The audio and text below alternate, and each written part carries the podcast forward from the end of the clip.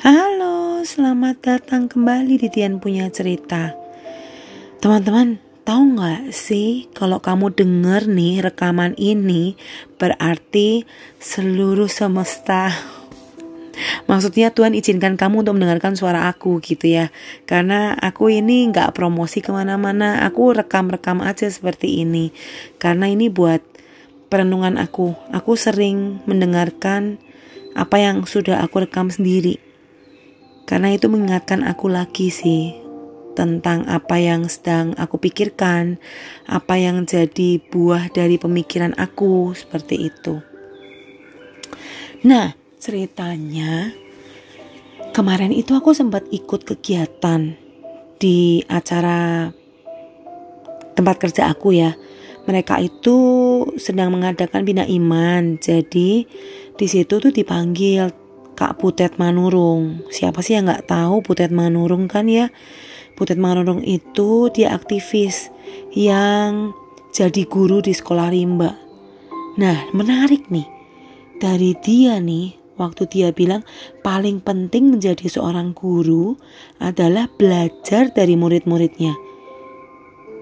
Wah waktu dia bilang gitu tuh langsung tek ih itu aku banget gitu maksudnya Aku selalu percaya kalau aku masuk ke tempat kerja aku yang sekarang, aku jadi konselor, itu bukan aku ngajarin murid. Aku belajar dari mereka, belajar banyak, belajar tentang ketulusan, belajar tentang bekerja keras, belajar tentang percaya. Banyak yang aku belajar dari mereka. Jadi apa yang aku lakukan buat mereka sebenarnya itu proses dari aku belajar dari mereka. Dan kita tuh harus berpikir teman-teman. Kita tuh harus berpikir bukan hanya yang penting, tapi yang genting. Jadi yang benar-benar berguna dan benar-benar bisa kita lakukan gitu.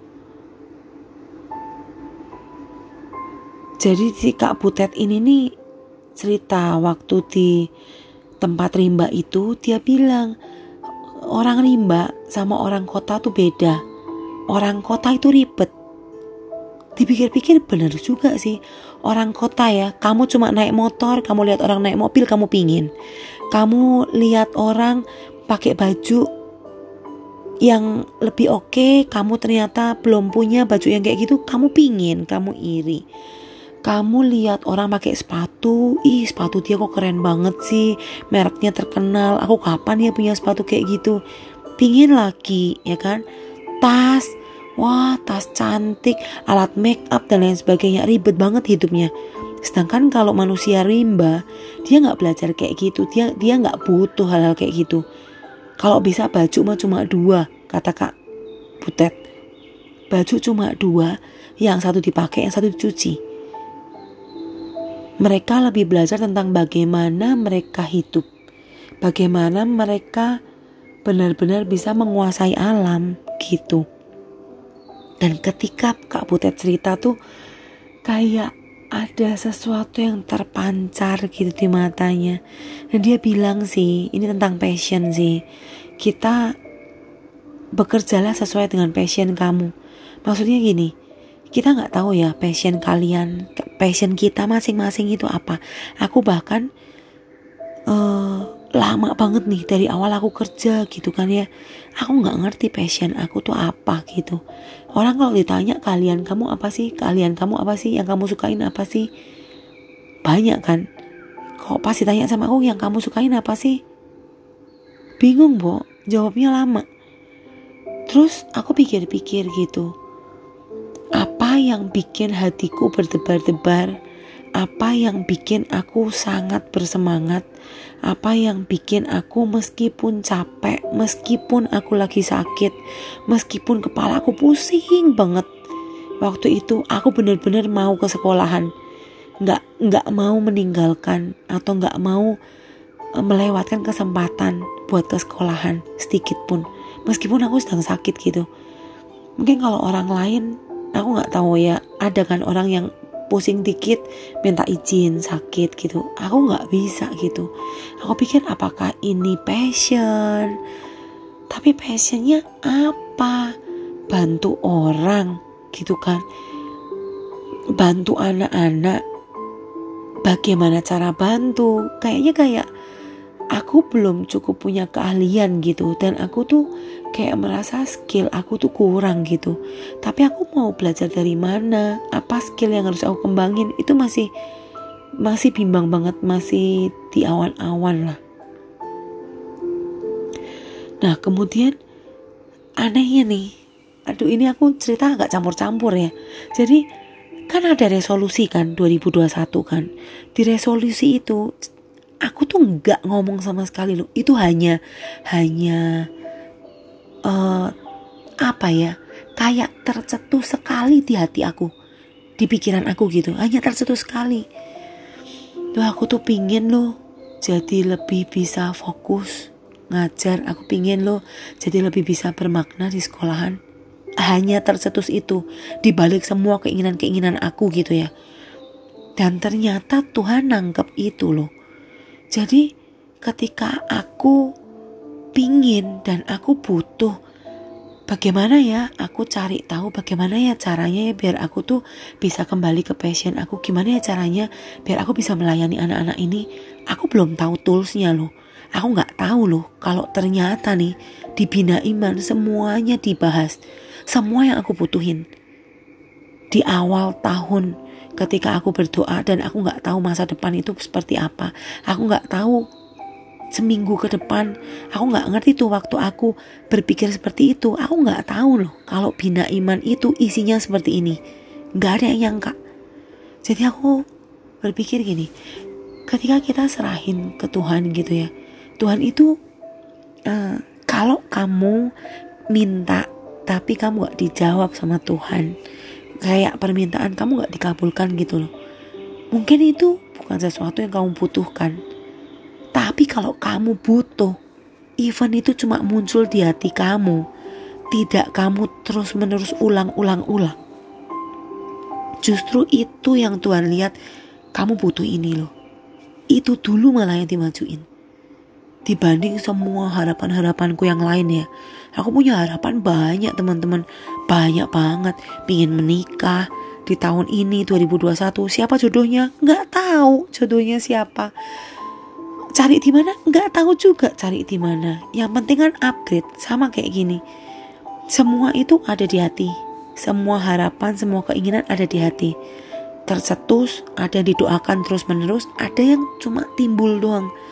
Tapi yang tahu kapan waktunya, yang atur kapan waktunya, yang tahu kita siap atau enggak, itu Tuhan.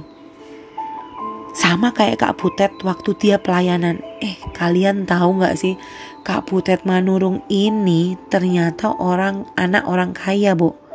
Bayangin anak orang kaya yang kalau pergi sekolah dianterin pakai sopir, naik mobil, dia memilih untuk pelayanan di tempat rimba. Yang benar-benar dia itu kalau pelayanan jalan kakinya perjalanannya bisa lima hari. Udah gitu di sana dia diburu-buru kalau kalau diburu sama orang-orang rimba dia orang rimba tuh nggak suka sama dia dia orang rimba pikir tuh uh, Kak Butet ini nih akan memanfaatkan mereka gitu Padahal padahal tujuan Kak Butet itu untuk kasih pengetahuan asal mereka tuh bisa baca dan jadi nggak dibodoh-bodohin gitu loh. Itu memberkati banget sih kata-kata dia. Jadi filosofi rimba itu semakin sedikit semakin lengkap.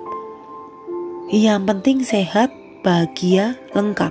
Lengkap tuh lengkap punya keluarga, dekat sama saudara, semuanya ada gitu. Tapi bukan bukan uh, lengkapnya tuh lengkap yang sederhana gitu loh. Jadi kita mesti berpikir ulang nih, apakah yang apakah ketika kita nggak punya yang orang lain punya, kita jadi nggak bahagia? Itu jadi bahan perenungan buat kita loh. Apakah ketika kamu ngelihat orang lain punya, terus kamu belum punya atau kamu nggak punya, terus kamu jadi ngerasa nggak bahagia. Apakah kebahagiaanmu terletak di hal-hal seperti itu?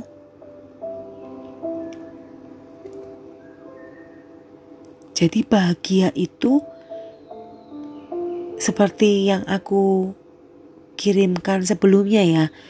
Podcast aku sebelumnya itu ada tentang bahagia. Jadi menurut kalian kebahagiaan itu apakah harus dengan apa yang sudah kita capai? Atau kebahagiaan itu asal uh, kita memaknai setiap hal di hidup kita?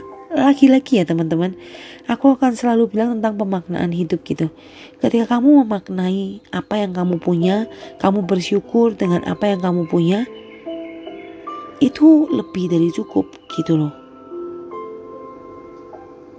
Jadi itu pun bisa kamu buat kamu bahagia. Gak perlu rumah mewah baru kamu bisa bahagia. Gak perlu yang oh udah pergi ke luar negeri keliling-keliling nih. Terus kamu jadi kayak lebih bahagia daripada orang lain. Enggak juga.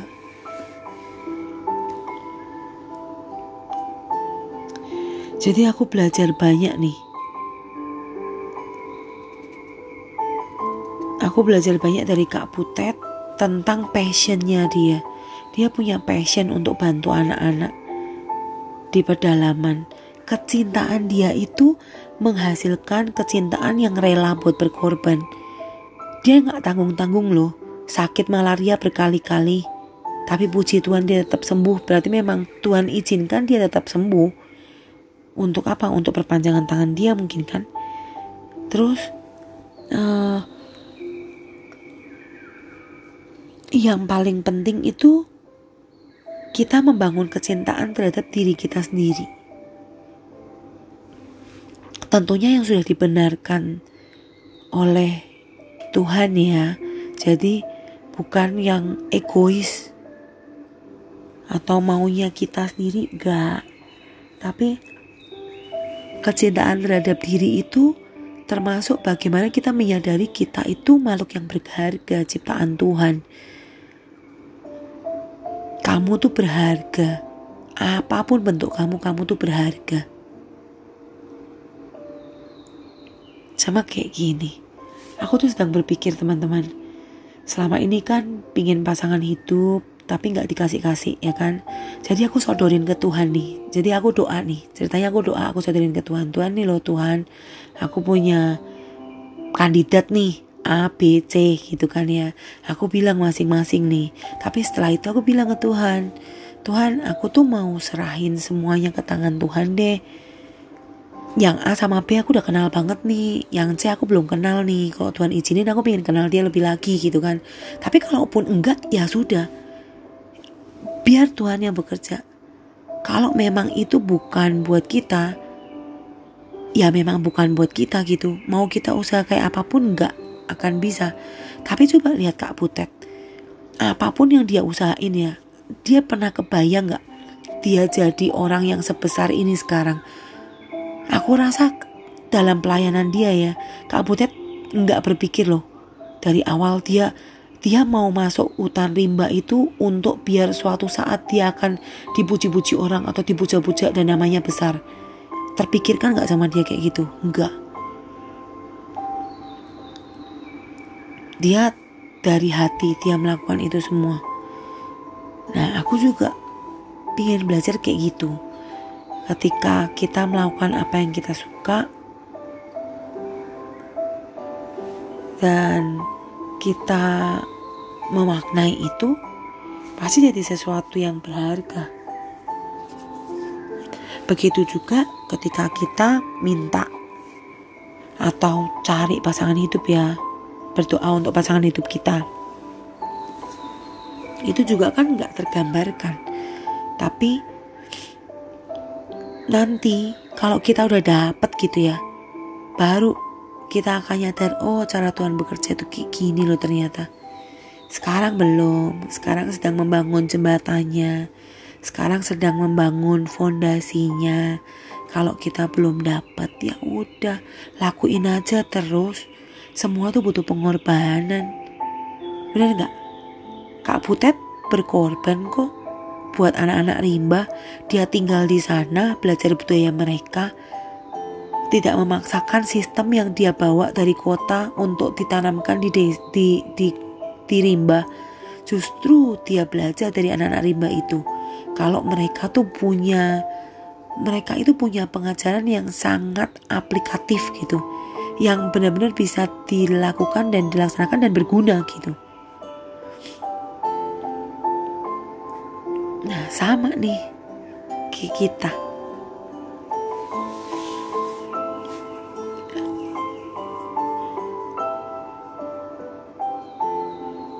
Oke teman-teman, kayaknya sekian dari aku. Aku mau pamit dulu. Semoga apa yang kita bicarakan nih kita campur-campur nih bicarainya. Aku nggak tahu mau judulnya apa ya. Kayaknya tetap sih judulnya tentang panggilan hidup. Oke Tuhan, aku serahkan itu ke dalam tanganmu. Kita harus doa kayak gitu teman-teman.